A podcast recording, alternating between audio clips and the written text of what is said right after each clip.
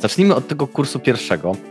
Zazwyczaj na początku, kiedy zaczynamy swoją przygodę z e, nagrywaniem, właśnie mamy te problemy z tremą, z występowaniem przed e, kamerą, a ty jako pierwszy właśnie nagrałaś kurs o tym. E, jak to się stało, że postanowiłaś stworzyć właśnie taki kurs? Akurat do tego kursu mocno mnie zmotywowała pandemia, bo ja webinary robiłam jeszcze przed pandemią, natomiast zauważyłam, że w momencie, kiedy no, przyszedł lockdown, przyszła pandemia, to dużo ludzi chciało się przerzucić do online'u. I tak naprawdę ten kurs był taką odpowiedzią na zapotrzebowanie rynku, bo ludzie zaczęli szukać informacji, jak robić webinary, jak występować przed kamerą, zaczęli też mi zadawać pytania na mailach i stwierdziłam, że może to jest dobry pomysł, żeby w końcu wydać taki produkt online. Tym bardziej, że ja o budowie kursu online myślałam już co najmniej trzy lata. Bardzo długo się za niego zabierałam, ale gdzieś tam nigdy nie było na to czasu.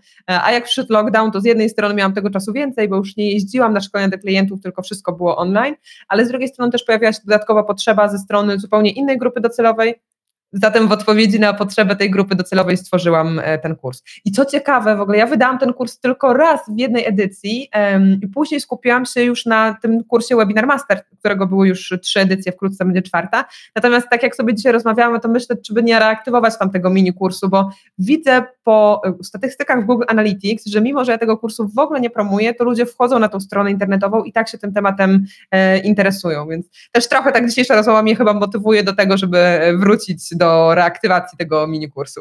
A jest on cały czas dostępny w sprzedaży?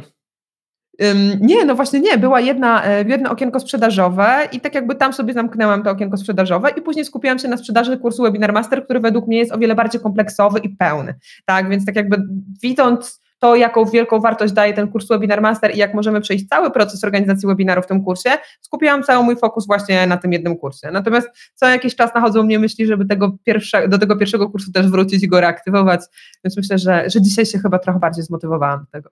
No to kontynuujmy temat. Jak sobie radzić z tremą podczas wystąpień publicznych, ale z drugiej strony nagrywanie do kamery nie jest wystąpieniem publicznym, bo teoretycznie nie ma na żywo tutaj e, publiczności, to dopiero później będą nas oglądać. Ale co, co zrobić, żeby nie robić 10 e, tysięcy e, dubli?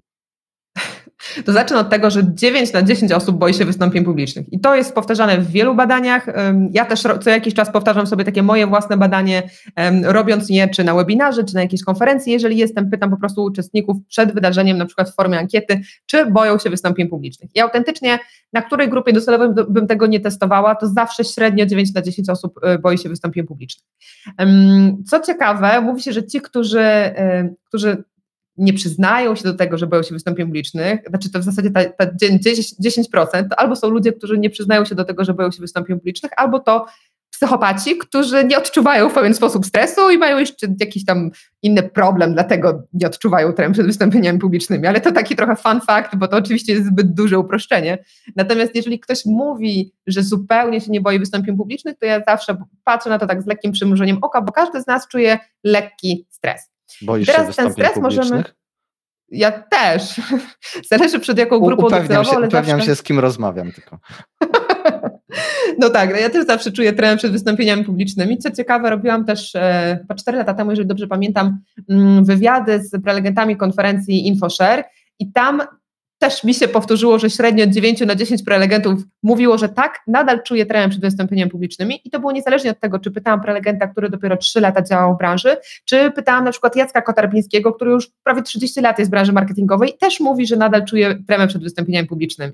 Więc autentycznie dotyka to każdego z nas. Czyli powiedzmy sobie szczerze, że ta trema przed wystąpieniami publicznymi, ten stres jest po prostu czymś całkowicie naturalnym i tak. tego nie da się zwalczyć, bo ono będzie, ta, ta trema będzie występować, ale można jakoś zaradzić, żeby ona nie wpływała powiedzmy na jakość naszego wystąpienia przed e, kamerą. Dokładnie tak, dokładnie tak, żeby nie wpływała na nas negatywnie. No i tutaj warto sobie powiedzieć o tym, że o, możemy odczuwać dwa rodzaje stresu. Stresu, tremy przed wystąpieniami publicznymi. Jeden to jest eustres, a drugi to jest dystres. I eustres to jest taki stres pozytywny. To ja mam tak bardziej, że czuję raczej ten eustres, czyli taki stres, który nie tak w zasadzie podnosi mi ciśnienie, ale napędza mnie do, do, działania. Czyli ja wiem, że to mnie lekko stresuje, ale ja chcę podjąć to wyzwanie, chcę coś zrobić, chcę działać, no i po prostu działam.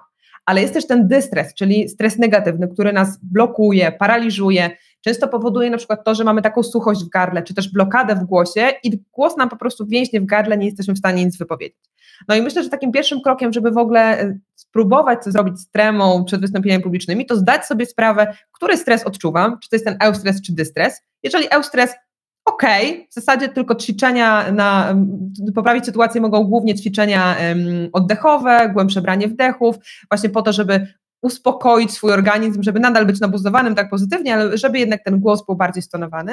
Ale jeżeli jednak czujesz dystres, czyli ten stres negatywny, no to po pierwsze warto sobie zdać sprawę, jak on się u mnie objawia, tak? Czyli czy może drży mi głos, albo drżą mi ręce, albo na przykład niektórym twarz się czerwieni, tak? I tutaj na każdą z tych metod oczywiście można zadziałać na zasadzie ibuprom, czyli bierzemy tabletkę zaradczą, doraźną i robimy coś, żeby w danym momencie to nam troszeczkę zeszło. Na przykład jak za bardzo głos więźnie w gardle, to pijemy więcej wody, to jest taka podstawowa zasada, pierwsza metoda, ale jeżeli gdzieś tam ten problem jest głębszy, no to warto po prostu pomyśleć, skąd mi się konkretnie to bierze i jak mogę długofalowo nad tym zapanować. Być może potrzebuję dłuższego przygotowania do prezentacji, dłuższego wystąpienia, a być może potrzebuję dzień przed wystąpieniem zrobić bardzo dużo ćwiczeń na na właśnie na głos, na tremę, po to, żeby te struny głosowe bardziej rozluźnić i po to, żeby w dniu wystąpienia ten głos w gardle nie utykał, tak?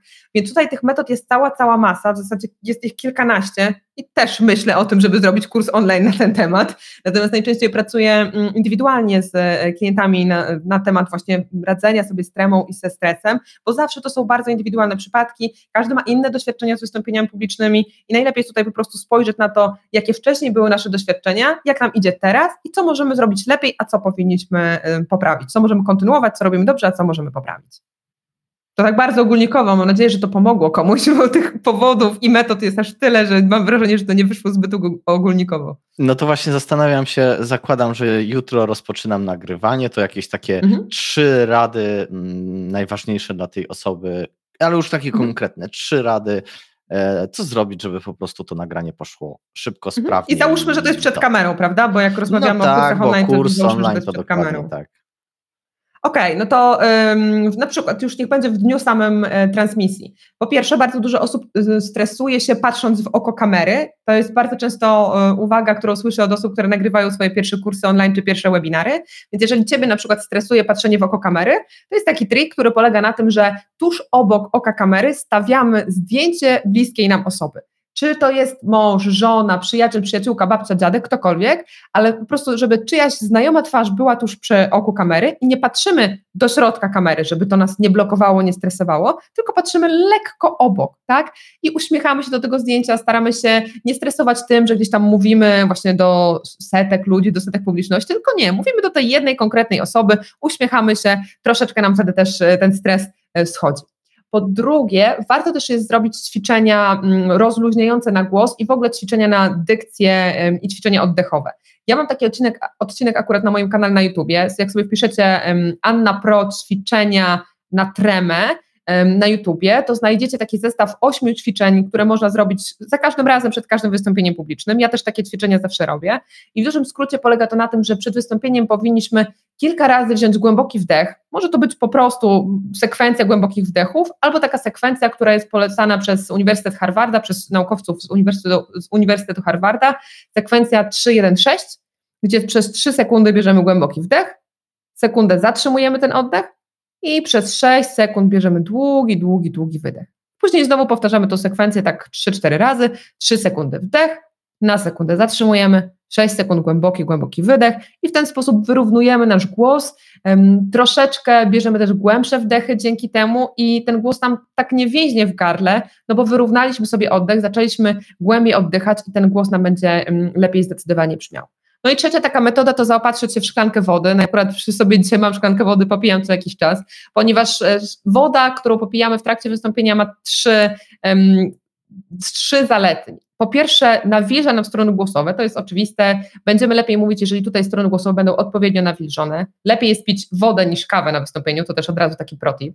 Więc nawilżamy strony głosowe, to po pierwsze. Po drugie, jeżeli mamy szklankę wody pod ręką, na zdrowie, Robercie, właśnie też pijesz, jeżeli mamy szklankę, szklankę wody pod ręką, to też jeżeli weźmiemy ten łyk wody, to jest taka chwila na pauzę. Jeżeli chcemy na przykład się nad czymś zastanowić, coś przemyśleć, a nie mamy od razu odpowiedzi w głowie, to też taką fajną metodą na zyskanie skupienia i uwagi publiczności jest to, że zawieszamy głos, bierzemy łyk wody, zastanawiamy się nad odpowiedzią, odstawiamy szklankę wody i kontynuujemy wypowiedź. To z jednej strony jest metoda na to, żeby właśnie nawilżyć strony głosowe, ale też taki trik na skupienie uwagi naszej publiczności. Nawet przed kamerą to też działa. No i trzecia rzecz jest taka, że woda pomoże nam po prostu szybciej myśleć, ponieważ mózg jest zbudowany w ponad 80% z wody i nasze neurony po prostu lepiej działają, jeżeli y, organizm jest nawodniony.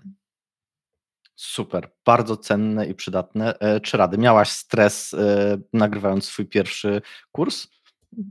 Tak, zdecydowanie. Tam jeszcze można by wspomnieć o tym, że dodatkowo dopadł mnie syndrom oszusta, chociaż to trochę taka oddzielna historia, e, ale oprócz samego stresu miałam też właśnie takie momenty po trzecim tygodniu, po trzecim tygodniu nagrywania kursu, że nie byłam pewna, czy to, co robię, jest wystarczająco dobre tak? Czyli typowy syndrom oszusta. E, miałam takie momenty, że po prostu nie wiedziałam, czy jest sens, żebym nagrywała kolejne lekcje, bo wydawało mi się to wszystko takie nieidealne. No i dzięki Bogu mój, moi kursanci fantastyczni, których pozdrawiam serdecznie, kursantów z pierwszej edycji, um, zebrałam od nich feedback, więc dali mi feedback, co jest ok, co jest nie ok. I okazało się, że moje obawy w ogóle były y, no, bezpodstawne, bo kursanci zdecydowanie więcej cech podali na plus, a jeżeli były nawet jakieś minusy, to to były jakieś drobnostki. Więc ja tak trochę sama się zblokowałam na własne życzenie, no ale tak to bywa z syndromem oszusta, że tak nie zawsze wiemy, kiedy nas y, dopadnie. A miałaś wcześniej już przygotowany jakiś schemat, listę lekcji, które chcesz nagrać, konkretne mhm. scenariusze, teksty, które chcesz y, powiedzieć? Czy to były pełne zdania, czy to było w punktach tylko wypisane, gdzie tylko zaglądałeś do notatek? Czy może zmierzam do sedna mojego pytania i powiem magiczne słowo prompter? A, okej, okay. słowo prompter. No dobrze. To znaczy tak, najpierw opowiem, odpowiem na początek Twojego pytania, czyli czy miałam przygotowane, przygotowane punkty w momencie, kiedy sprzedawałam ten kurs, cała agenda już była gotowa, e, więc ja miałam gotowe wszystkie punkty e, i te 12, znaczy 8 modułów, te główne 8 modułów i ewentualnie jakieś dodatkowe bonusowe też były tam wypisane i to było dość szczegółowo wszystko wypunktowane, co tam będzie, jakie będą lekcje. Oczywiście w trakcie nagrywania wychodziły jakieś tam nowe, dodatkowe tematy, więc e, co jakiś czas dogrywałam nowe lekcje, ale generalnie taki scope z góry już był znany. Jeżeli chodzi o um, scenariusze i slajdy, to tak w 50% to już było gotowe, no bo ja już od ponad 10 lat szkole z wystąpień publicznych, w tym z wystąpień online, więc ja miałam już dużo materiałów ze szkoleń dla firm, czy z zajęć, które prowadzę na uczelniach i po prostu te materiały były gotowe, tylko musiałam je pozlepiać w zupełnie inny sposób, żeby to jak najbardziej odpowiadało do danej grupy docelowej, do tego kursu. E, I jeżeli pytasz o prompter, akurat ja z promptera nie korzystam, ale mój mąż korzysta bardzo dużo. E, ja nie lubię korzystać z promptera, dlatego że po pierwsze bardzo szybko mówię i tak jakby chyba żaden prompter prompter nie będzie wyświetlał tekstu tak szybko, jak ja mówię, więc zawsze gdzieś tam przegonię ten prompter, to po pierwsze.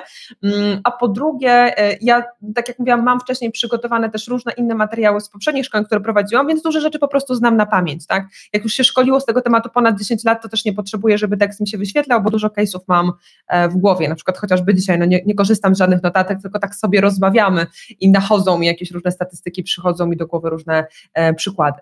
Natomiast sam prompter na pewno jest bardzo fajnym rozwiązaniem i też o tym mówię w kursie i wiem, że wielu moich kursantów z tego korzysta. Zwłaszcza jeżeli ktoś ma taki spokojny, wolniejszy ton głosu i lubi być tak hiper na maksa przygotowany i mieć e, scenariusze przygotowane słowo w słowo, no to wtedy wiem, że moi kursanci z tego promptera korzystają. Ja e, muszę e, zdradzić moją przygodę z prompterem, mm, bo miałem kiedyś za zadanie nagrać taką krótką e, reklamę i oczywiście dostałem przygotowany tekst, no i niestety nagrywanie tej reklamy zajmowało mi strasznie dużo czasu, bo co chwilę się coś myliłem albo powiedziałem nie tak. Mm. I kupiłem ten prompter i po prostu to były tylko dwa nagrania, dwie wersje, które wyszły fantastycznie. Także to jest coś, co, co ułatwia często, jeśli jest jakiś długi tekst, który musimy dokładnie przekazać tak. prawie że słowo słowo e, słuchaczom czy widzom, natomiast no to jednak było widać na tych nagraniach pierwszych, że gdzieś tam czasami zerkałem na jakieś notatki, które wisiały na ścianie, e, punkty i, i po prostu jednak patrzenie w ek ekran kamery, ten kontakt wzrokowy bezpośredni z uczestnikami naszego szkolenia, e, czy jakiejkolwiek innej formy jest bardzo ważny, więc, e, więc no, za, zainwestowałem w ten prompter i faktycznie wtedy później to poszło e, dużo dużo e, sprawniej. E, przejdźmy zatem do tego ostatniego kursu. Tu już to nie jest jakby mhm. kurs e, twój z tematów e, webinarowo-szkoleniowych prezentacji, e, tylko kurs bardzo taki techniczny dla osób, które chcą nauczyć się e, tego języka programowania. To kurs twojego męża. Opowiedz skąd pomysł, jeśli wiesz i możesz nam zdradzić, skąd pomysł właśnie na taki kurs, jak zaczęła się przygoda i jak ten kurs wygląda dzisiaj. Mhm. Mój mąż też od jakiegoś czasu już wcześniej przed pandemią myślał o y, tworzeniu swoich kursów online, ale podobnie jak u mnie, pandemia go trochę bardziej zmotywowała, bo miał więcej czasu na nagrywanie, na tworzenie tych materiałów. Chociaż już od dawna chodziło mu po głowie to, żeby w jakiś sposób podzielić się wiedzą. Um, akurat mój mąż też jest taką osobą, która szkoli innych ludzi, bardzo lubi prowadzić szkolenia, dzielić się wiedzą, więc jeżeli ktoś z Was też ma takie zapędy, żeby występować na konferencjach albo na przykład prowadzić chociażby szkolenia w małych grupach i czuje taką potrzebę, to myślę, że zrobienie takiego kursu, czyli podzielenie dzielenie się wiedzą w formie online, to jest fajny kolejny krok e, w swoim e, rozwoju. Więc mój mąż też, też na to wpadł. I tu od razu taka piękna historia e, związana też z platformą do szkoleń, bo mój mąż jest programistą, więc on zanim zaczął nagrywać kurs, stwierdził, że musi mieć platformę, na której ten kurs postawi. Więc pojechał do Krakowa, żeby wyrwać się z domu od żony i od kotów, żeby rzeczywiście nagrać ten kurs. Ale wpadł na genialny pomysł, że przecież nie będzie najpierw nagrywał kursu, tylko najpierw zakoduje platformę. Więc spędził tydzień w Krakowie na kodowanie platformy pod kątem kursów online, z której korzystaliśmy potem przez dwa lata, ale teraz long story short, po dwóch latach okazało się, że platforma jest tak droga w utrzymaniu, że musimy z niej zrezygnować i to był jeden z powodów, dla których zaczęliśmy rozglądać się za nową platformą do kursów online. Trafiliśmy między innymi właśnie na Twoją platformę i spośród wszystkich które porównywaliśmy, MyVOD wyszło najlepiej. Ale jak, jak, jak własna platforma może być e, droga w utrzymaniu? Wytłumacz, bo to jest jakby fantastyczne, każdy by chciał mieć własne, indywidualne, dedykowane tak. rozwiązanie, e, które jakby spełnia wszystkie jego oczekiwania, no bo niestety często jest tak, że te narzędzia sasowe, które są gotowe, które możemy sobie kupić w internecie i płacić tam miesięczny abonament, chociażby tak jak MyVOD, nie mają wszystkich funkcjonalności, które akurat w 100% idealnie będą spełniać nasze potrzeby, więc tutaj mieliście rozwiązanie, które no, było, wyda, wydaje się, że było idealne. Idealne, a prawda? A jednak y, okazuje się, że nie do końca tak było. Dlaczego? Po pierwsze, e, wiadomo, takie standardowe koszty stałe, jak jakieś utrzymanie, maintenance, to, to są koszty, które są generowane non-stop i w zasadzie jak sobie tylko te koszty porównaliśmy, czyli utrzymanie serwera, w ogóle zachowanie tej platformy, jakieś techniczne e, opłaty różnych narzędzi, same te koszty okazało się, że są mniej więcej równe temu, jakbyśmy płacili abonament w MyVOD chociażby, tak? Więc tu już byliśmy na zero. Więc to jeszcze nie był dobry argument, żeby zmieniać platformę, jeszcze tą platformę trzymaliśmy. Ale po pewnym czasie okazało się, że na przykład jak chcemy dodać nowy feature, e, no to wiadomo, Patryk może to zakodować, ale nie zawsze ma na to czas, no bo jako senior developer ma i tak całą masę pracy 8 godzin dziennie w firmie, a po pracy etatowej nie zawsze ma siłę i energię, żeby jeszcze kodować dodatkowe funkcjonalności na swojej własnej platformie. Zatrudnienie dodatkowego programisty po to, żeby tylko no, zakodował nam jeden feature jest strasznie drogie. Wszyscy wiemy, jakie są teraz y, stawki programistów, więc branie nawet kolegi czy koleżanki e, programisty, programistki do tego, żeby zakodowali nam feature, też było drogie, no bo po prostu ktoś musi się wgryźć w ten kod, który Patryk napisał, ogarnąć co chodzi w tej platformie, zakodować ten feature, wydać go, przetestować, no cała masa pracy. Więc mieliśmy taką bardzo podstawową platformę i w momencie, kiedy zaczęliśmy ją rozwijać, okazało się, że to po prostu nie jest gra warta świeczki, no bo w bardzo podobnym albo nawet tańszym budżecie możemy mieć gotowiec, który rzeczywiście może nie będzie zawsze miał tego, co sobie wszystko wymyślimy, ale będzie miał szybciej takie najważniejsze elementy, bo u nas dodawanie każdego nawet prostego feature'a trwało bardzo, bardzo długo, bo albo Patryk nie miał czasu, albo, albo znajom, szukaliśmy znajomych, którzy też nie zawsze od razu mieli czas. A w takich platformach, tak jak mówisz, sasowych, tak jak u Was, wszystko jest pod ręką, a jeżeli czegoś nie ma, no to najwyżej troszeczkę dłużej na to poczekamy, dajemy Wam feedback, dajemy informację, że jakiś feature by się przydał, ale to nie jest taki e, killer feature, bez którego my nie możemy w ogóle żyć i, i bez którego kurs nie będzie funkcjonował. Tak jakby no, to, to spokojnie są rzeczy, na które można poczekać. A nawet powiem szczerze, że e, akurat platforma, z której teraz korzystamy, czyli z MyVOD, przerosła nasze oczekiwania, bo okazało się, że tych feature'ów jest tyle, że my na ten moment y, przy naszych trzech kursach nie wykorzystamy nawet wszystkich tych feature'ów, bo ich jest więcej niż potrzeba, tak? Więc też byliśmy tak pozytywnie zaskoczeni, że no nie dość, że kamień z serca, że nie musimy już trzymać własnej platformy, to jeszcze jakieś dodatkowe rzeczy są, na które wcześniej sami nie wpadliśmy. No właśnie, powiedzmy naszym słuchaczom, że jesteśmy właściwie kilka dni przed uruchomieniem e, tej. E, Wielka premiera. Wielka premiera będzie za kilka dni, czyli jak już będziecie słuchać e, ten podcast, to na pewno już platforma będzie dostępna online. Jak oceniacie cały proces? Podjęliście decyzję, co później się działo i jak to wyglądało z Waszej strony? Na ten moment e, wszystko jest perfekcyjnie, więc tutaj akurat nie mam żadnych zastrzeżeń. W momencie, kiedy przenosiliśmy kurs, e, właśnie zaczęliśmy od kursu Szkoła Reakta, bo teraz najprędzej będziemy ten kurs e, wydawali. Najbliższe okienko sprzedażowe akurat będzie Szkoła Reakta, potem dopiero kurs Webinar Master wydajemy w kolejnym okienku.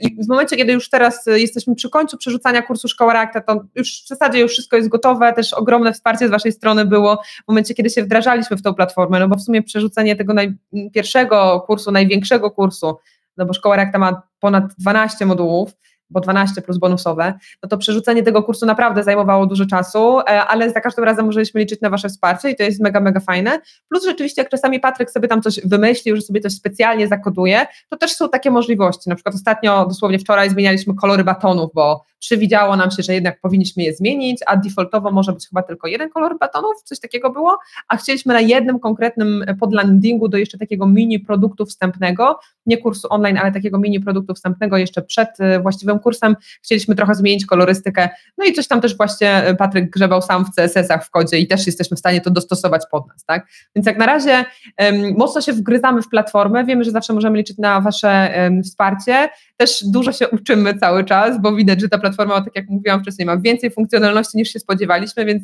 myślę, że jeszcze jakbyśmy nawet za miesiąc rozmawiali, ja jeszcze będę czuła, że się ciągle tej platformy uczę, bo jest tam bardzo, bardzo dużo ciekawych rzeczy. To bardzo się cieszę, bardzo miło, że o tym e, mówisz. E, zapytam w takim razie, no bo mm, kursy Patryka już właściwie e, są na MyVOD. Kiedy w takim razie Twoje kursy? W kolejnej, kolej, następnej kolejności. Najpierw wydajemy teraz kurs Szkoła Reakta, akurat okienko, y, nabór do tego kursu będzie w maju, więc pewnie ten podcast już będzie gotowy i nabór będzie w maju, więc będzie można właśnie dołączyć do szkoły Reakta e, i w momencie, kiedy tam kończymy nabór, to zwykle robimy sobie oczywiście jakieś tam, jakąś przerwę i później skupiamy się na kolejnym kursie, więc staramy się już nie robić tak, że wydajemy dwa kursy jednocześnie, bo jest to jednak bardzo, bardzo um, czasochłonne, angażujące, więc zwykle jakoś tak się dzielimy, że jak mamy jeden projekt, to fokusujemy się na jednym, potem jest dwa tygodnie przerwy i dopiero fokusujemy się na drugim, więc myślę, że mój kurs pewnie będzie pod koniec maja wydawany, um, no pewnie tak, koniec maja albo początek e, czerwca, e, mniej więcej w tym terminie trzymam kciuki zarówno za premierę szkoły Reacta, jak i za e, szybkie przeniesienie Twoich e, kursów. Wspomniałaś o tym, że wydajecie kursy, sprzedajecie ich w okienkach. Jakie są według Ciebie zalety takiej sprzedaży? Czemu nie realizować tak zwanej ciągłej sprzedaży, żeby kurs był dostępny cały czas dla każdego? Moje doświadczenia z tymi sprzedażami w okienkach są takie, że jednak to jest sprzedaż bardziej efektywna, przynajmniej na tych produktach, które ja sobie testuję, ale też te, tych, których ja doradzam innym osobom, bo to też trzeba powiedzieć, że ja nie tylko tworzę własne kursy online, ale też przychodzą do mnie coraz częściej osoby, które chcą wydać swoje kursy online, chcą je sprzedawać na przykład poprzez webinary i potrzebują mojej porady, albo po prostu widzą, że ja mam swój kurs online, mam swoje kursy i produkty i potrzebują porady kogoś, kto takie kursy już wydał. No i najlepiej na razie z moich obserwacji wynika, że działa ta sprzedaż właśnie w okienkach. Z jednej strony dlatego, e, że ludzie mają taką motywację do tego, żeby kupić. W sensie mamy jakiś określony czas, zamknięte okienko, na przykład 7 czy 8 dni e, i w tym czasie tylko można kupić dostęp do kursu. Kurs nie jest dostępny przez cały rok, tylko na przykład 3 razy do roku, 3-4 e, razy do roku przez te 7 dni i wtedy tylko można podjąć decyzję. I w momencie, kiedy mamy deadline, my jako ludzie, jeżeli mamy deadline, działamy troszeczkę bardziej efektywnie, czasami trochę bardziej też impulsywnie, no bo mamy deadline i musimy szybko podjąć jakąś decyzję. Ostatnio oglądam taki serial, nazywa się We o historii WeWorka, w zasadzie o historii upadku WeWorka i tam jest pięknie przedstawione, jak CEO tego WeWorka mocno działa właśnie na takich wszystkich efektach psychologicznych typu masz deadline, musisz podjąć decyzję już teraz. Po prostu idealnie e, to, to jest przedstawione, zwłaszcza w pierwszym, drugim odcinku, um, więc jak coś polecam, polecam ten serial. Um, I wracając do kursów, rzeczywiście te kursy tak zwane właśnie kohortowe, bo też taka nazwa funkcjonuje, czyli kursy w grupach, kursy z, w okienkach sprzedażowych, według mnie są lepsze niż sprzedaż e, ciągła. Oczywiście to mogą być tylko moje doświadczenia, może po prostu wiem, za mało razy zrobiłam kursy w sprzedaży ciągłej. Nie wiem, e, ale akurat z moich doświadczeń wynika to, że te kursy są efektywniejsze pod kątem sprzedaży. Druga rzecz, o której też bardzo um, chcę wspomnieć, jest to, że takie kursy są lepsze pod kątem uczestnika. E, ja jestem w ogóle certyfikowanym trenerem szkoleń online, więc też wiem, jakich metod użyć, żeby ludzie uczyli się efektywnie. Jest też taka nauka, która nazywa się andragogika, która mówi właśnie o tym, dlaczego i w jakich warunkach ludzie uczą się efektywnie.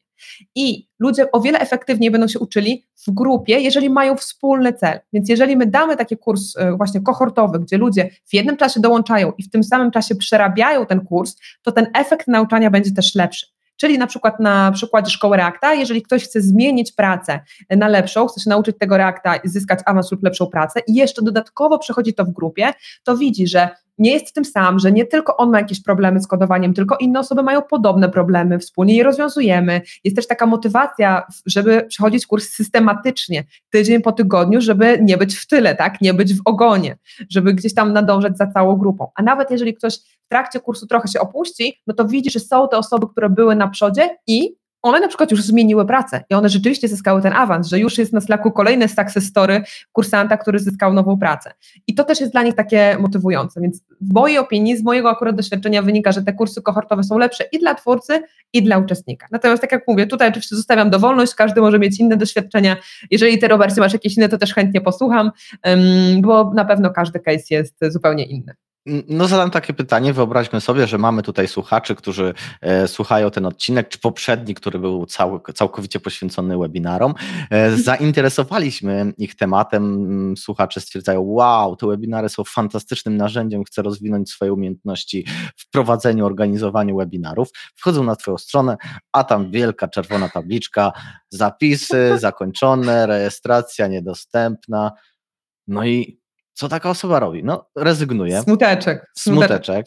Może, nie wiem, może może zapisać się na jakąś listę, nie wiem jak to, tak. nie patrzyłem, nie sprawdzałem, że może się zapisać na jakąś listę oczekujących, nie wiem, czy tam jest informacja, kiedy mhm. rusza dokładnie kolejna, no ale jak ktoś stwierdza... Nie ma, jest to owiane tajemnicą. Dokładnie, no ale stwierdza, że no nie wiadomo kiedy rusza, nie chcę czekać pół roku, bo ja bym chciał z tymi webinarami już, mhm. no to szukam dalej i idę do konkurencji. Co ty na to?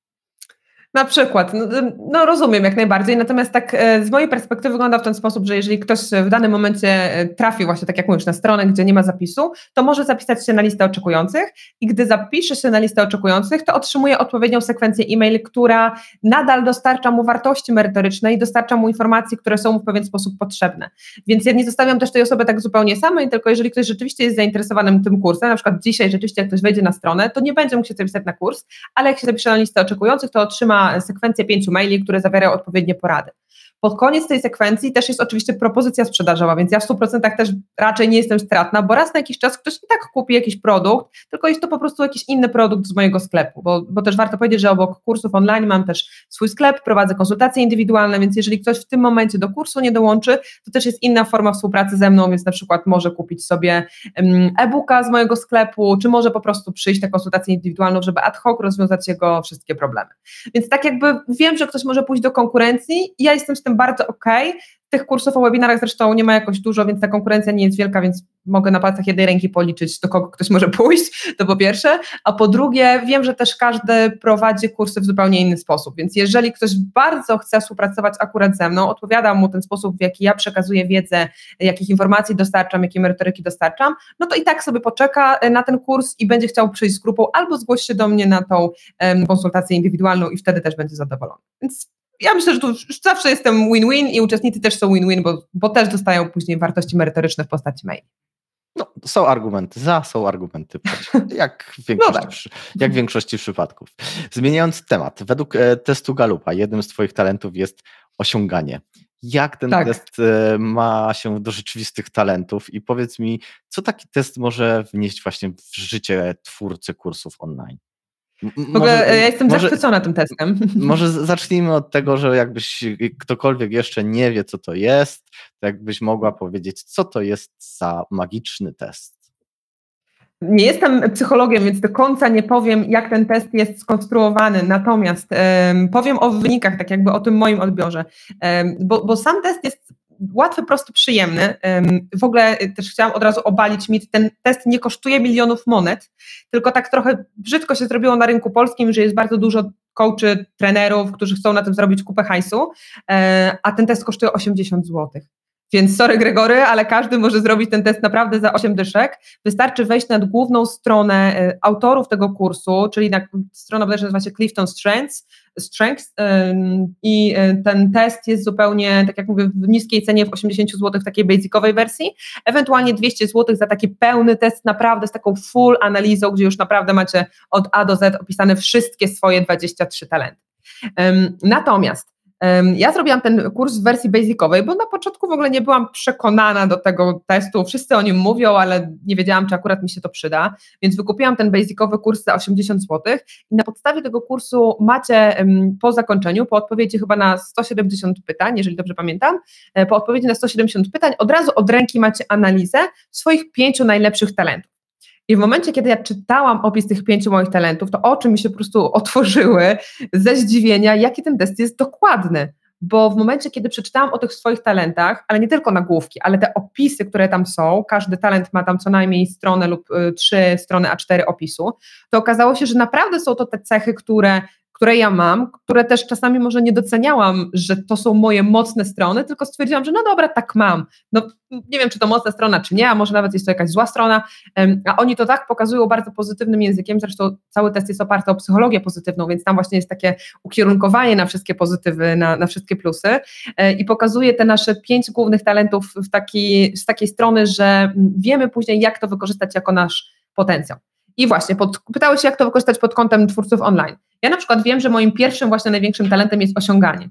I yy, mój mąż się ze mnie śmieje, że ja po prostu mam taki motorek w sobie, który mnie zawsze napędza, ale już wiemy, że ten motorek nazywa się właśnie talent osiąganie i chodzi o to, że ja po prostu zawsze stawiam sobie poprzeczkę coraz wyżej, osiągam jakiś cel i znowu sobie stawiam kolejny cel i znowu poprzeczkę coraz wyżej i tak dalej, i tak dalej. I w przypadku kursów online wiem, że też w momencie, kiedy organizuję każdą kolejną edycję, ona musi być w pewien sposób lepsza od tej poprzedniej. Ja w momencie, kiedy ustawię sobie za nisko cel, to będę za mało zmotywowana. A jak mam wyżej ustawiony cel, to też będę, ja będę lepiej zmotywowana, ale też będę motywowała lepiej e, cały mój zespół, tak? Bo ja jestem freelancerką, ale współpracuję z kilkoma różnymi osobami, które e, czasami na stałe, czasami przy okazji różnych projektów do mnie dołączają i mnie wspierają przy realizacji projektu. Jeden z moich talentów też jest rywalizacja i rywalizacja jest też takim motorkiem, takim palnikiem, który nas motywuje, żeby również osiągać coraz wyżej cele. I w momencie, kiedy my jako zespół razem pracujemy po to, żeby być lepszym niż te, e, żeby ta na przykład edycja kursu była lepsza niż ta poprzednia, to też w pewien sposób rywalizujemy tak trochę sami ze sobą, ale też trochę z konkurencją, żeby te nasze produkty były za każdym razem coraz lepsze, jeszcze bardziej jakościowe, jeszcze lepiej spełniały oczekiwania klienta. I też w momencie na przykład, kiedy analizujemy mm, wyniki, y, na przykład NPS-y czy różne wskaźniki, jeżeli chodzi o nasz kurs online i poziom satysfakcji naszych kursantów, no to też staramy się za każdym razem, żeby te wyniki były coraz lepsze. I to też okazuje się, że z tego galupa też mi to wynika z moich talentów, bo też y, lubię, jeżeli te wyniki, cyferki się coraz bardziej poprawiają. I jeszcze dwa takie fajne talenty, które mam w galupie, które wyszły mi w top 5, to jest jeszcze zbieranie i uczenie się opowiem o tym jak trochę o jednym, bo dla mnie to się bardzo wiąże, bo um, zbieranie to jest na przykład zbieranie wiedzy. Ja mam też mocno taki motorek, żeby zawsze uczyć się nowych rzeczy. I to jest zbieranie wiedzy, ale też książek, kontaktów, więc u mnie na przykład to się tak objawia i wiele osób ma też ten talent input i, i widzę to też wśród moich znajomych, że dobieram sobie takich znajomych, którzy mają ten talent. I drugi, ten, y, trzeci ten talent to uczenie się, czyli ten tak zwany learner, E, I to się z kolei właśnie wiąże też że ja z, z, tym, że ja zbieram informacje, uczę się nowych rzeczy, że w momencie nawet jak wydam jedną edycję kursu, to wiem, że do kolejnej dodam jakieś kolejne lekcje bonusowe, dodatkowe, bo kiedy ja się uczę, to chcę też się dzielić tą wiedzą z innymi. I tak jak mówię, jak sobie mocno przysiądziemy do tej analizy, nawet tylko tych pięciu talentów Galupa i przeczytamy to, co oni e, napisali o tych pięciu konkretnych talentach, te raporty, naprawdę jest to bardzo budujące i mówi nam, co jest naszą mocną stroną i też jeżeli mocno to przeanalizujemy, to będziemy w stanie wyciągnąć wnioski też pod kątem tworzenia kursów online i tego, co nas motywuje do tego, żeby tworzyć jeszcze lepsze, jeszcze fajniejsze produkty. Super. E, powiedziałaś 170 pytań. Ile trwa wykonanie takiego testu? Trzeba się wcześniej jakoś przygotować do tego? Pół godziny. Bardzo mało. Czyli to są takie bardzo jakieś proste, szybkie, krótkie pytania, rozumiem, ABCD tak. do wyboru. Nawet nie, jest, nawet nie ABCD, jest suwaczek. Okay. Jest suwaczek, są tak jakby dwie skale na linii. Nie pamiętam y, tak jakby co, co jest na jednej i na drugiej skali, ale tak jakby chodzi o ocenę mm, w jedną lub w drugą stronę. Po środku jest jakaś odpowiedź neutralna, a na lewo jest na przykład jedna skrajna, druga skrajna. Na przykład, niech będzie, czy jestem optymistą, czy pesymistą. I na suwaczku mogę zaznaczyć lewą skrajną, że optymistą, albo prawą skrajną, że pesymistą.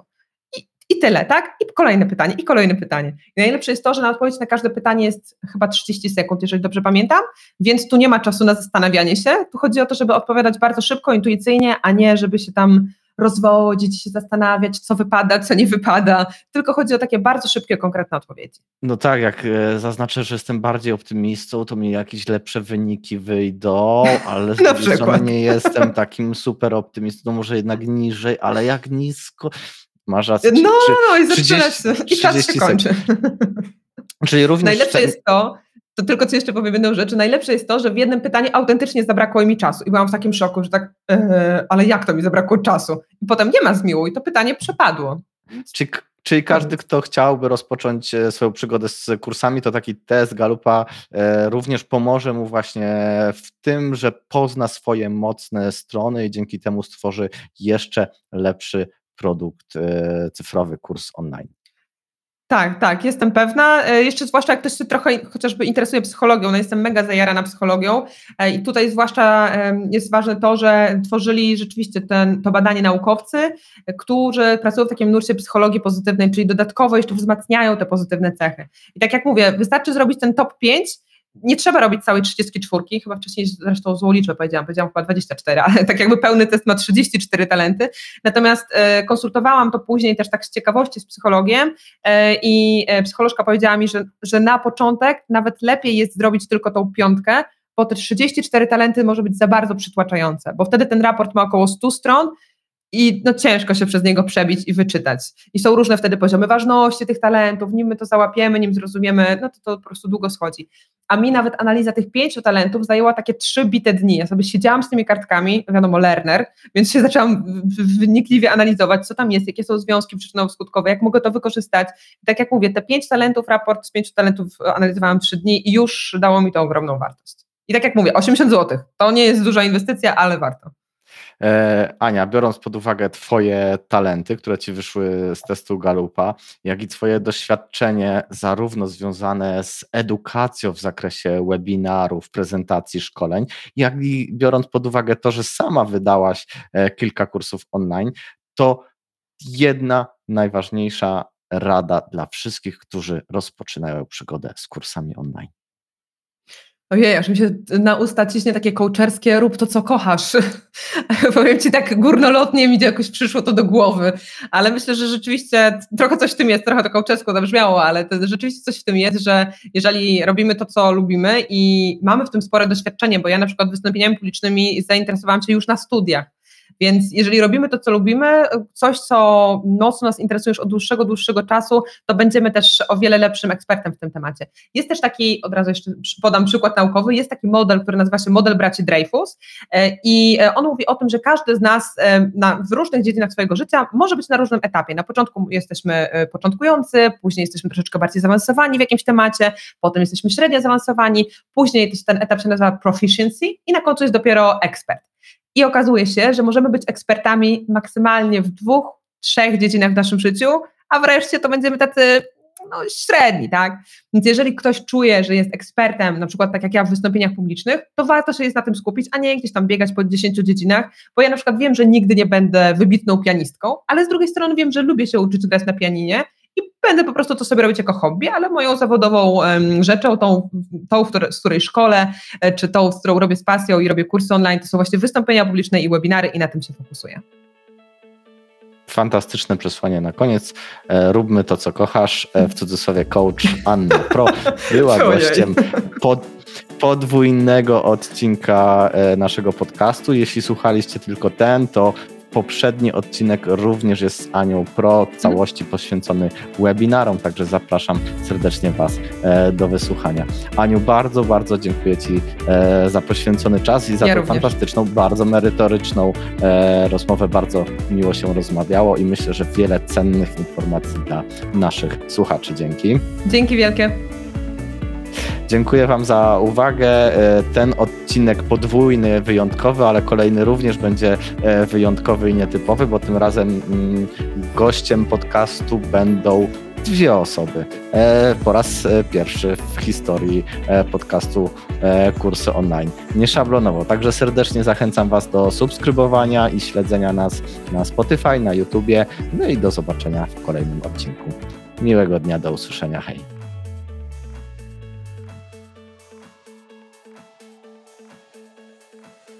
No.